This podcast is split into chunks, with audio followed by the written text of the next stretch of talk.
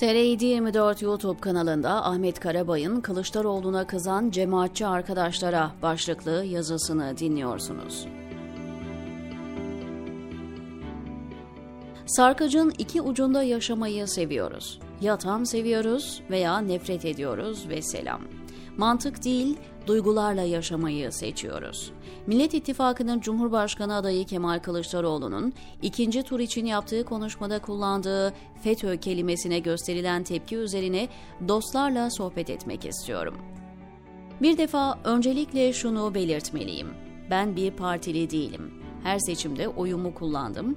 Hangi partiye oy vereceğimi hiç gizlemedim fakat hayatım boyunca da kendimi bir parti mensubu olarak görmedim.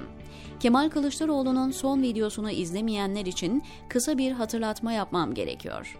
Üçüncü aday Sinan Oğan'ın aldığı %5'lik oy kitlesinin ikinci turda Erdoğan'a destek vermesinin önüne geçmek isteyen Kılıçdaroğlu, kampanya döneminde farklı zamanlarda söylediği sözlerden seçki tarzında bir konuşma yaptı. Sığınmacılarla ilgili göndereceğiz vurgusunun altını çizdi. Geçmişte domuz bağıyla insanları öldürenler ve kadınları eşya gibi görenlerle mücadele edeceklerini belirten Kılıçdaroğlu, ülkeyi böldürmeyeceklerini Amerika ve FETÖ ile işbirliği yapıp milli orduya kumpas kuranlara bu ülkeyi bırakmayacaklarını söyledi. Millet İttifakı'nın adayı Kılıçdaroğlu'nu doğru yere konumlandırmalı. Aksi takdirde bugün de yanılır ve şayet kazanmış olsa yarın da benzeri duygular çok yaşanır. Kemal Kılıçdaroğlu Gülen cemaati mensuplarına karşı kullandığı bu ifadeyi ilk kez telaffuz etmedi. Daha önceki meclis konuşmalarında defalarca dile getirdi. Buna ilk kez duyuyormuş gibi tepki göstermenin doğru olmadığı görüşündeyim. Öncelikle Kılıçdaroğlu'nu doğru yere konuşlandırmamız gerekiyor. Brezilya'da liberal partili diktatör hevesli Jair Bolsonaro'ya karşı mücadele eden ve seçimi kazanan Luiz Inácio Lula da Silva, siyaset literatürüne geçen bir söz söyledi. Bu seçim cennetin kapılarını açma seçimi değil, cehennemin kapılarını kapama seçimi. Kılıçdaroğlu ülkeyi her açıdan bir felakete sürükleyen Tayyip Erdoğan'ın saltanatını yıkacak isim olmaktan başka bir yere oturtulursa yanlış yapılır. Kılıçdaroğlu'na tek bir vadi için bile oy verilebilir. Hukuka dönüşü sağlayacağız.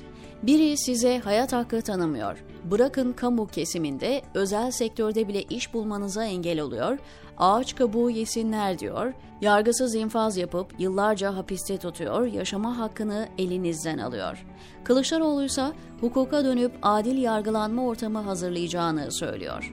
Hatırlayın, iktidarın en tepesindeki isim adı bir şekilde Gülen cemaatiyle ilişkilendirilmiş olan herkesi dört harfli torbaya atıp hiçliğe mahkum ederken daha ergenlik yaşına gelmemiş askeri öğrencilere ve erlere kim sahip çıktı?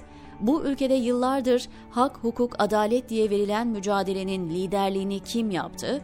Bu soruların bir tek cevabı var, o da Kemal Kılıçdaroğlu.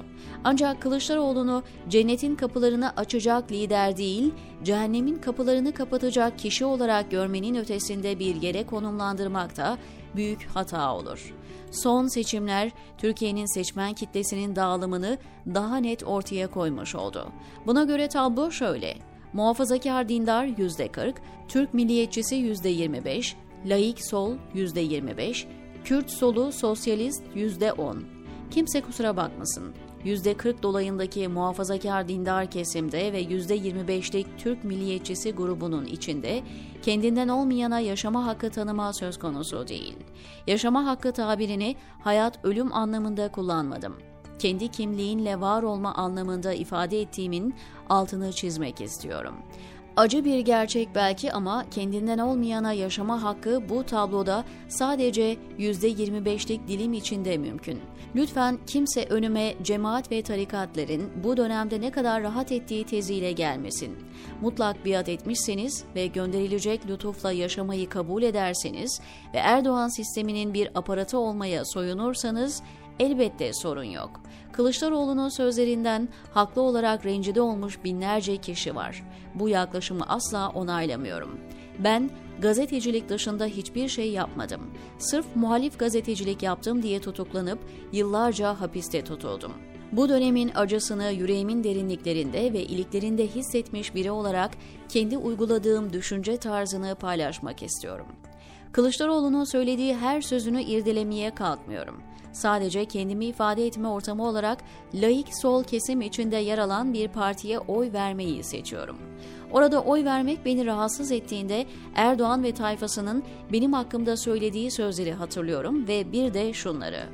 Ülkenin cehenneme çevrilmesinden dolayı burada yaşam hakkı bulamadığı için yurt dışına çıkmaya çalışırken hayatını kaybedenleri, darbeci diye öldürülüp hainler mezarlığı adını verdikleri yere gömülenleri, hiçbir suçu olmadığını bildiğim insanların halen cezaevinde tutulmaları, vatan sevdasıyla yürekleri tutuşan yüz binlerce insanın gelirse tutuklanıp hapse atılacağını bildiklerinden Türkiye'ye gelemedikleri gerçeğini, tutuklanıp ailemden ve dostlarımdan koparılıp dört duvar arasına atıldığımı ve orada yaşadıklarımı, Cemaate gönül verdiği bilinen kimi isimler, Kılıçdaroğlu'nun ulusalcı oylara sempatik görünmek için söylediği sözlere kırgınlıklarını ve kızgınlıklarını üst perdeden dile getiriyorlar.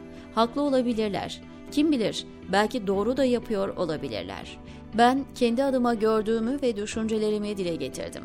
Kılıçdaroğlu'nun ikinci turda kazanıp kazanmayacağını da bilmiyorum. Bildiğim şu, diyelim ki Erdoğan ikinci turda Sinan Oğan'a verilen oylarında bir kısmını alıp seçimleri kazanacak. O zaman şunu akıldan çıkarmamak gerekiyor. Şu veya bu nedenden dolayı Kılıçdaroğlu'na kızıp sandığa gitmediğinizde bu kez Erdoğan'ın nasıl kazandığına cevap aramak durumundayız. %51-52 ile kazanmış bir Erdoğan mı yoksa %60-65 ile kazanmış bir Erdoğan mı istersiniz? Açık farkla kazanması halinde neler yapabileceğini kestirdiğiniz Erdoğan mı daha iyi?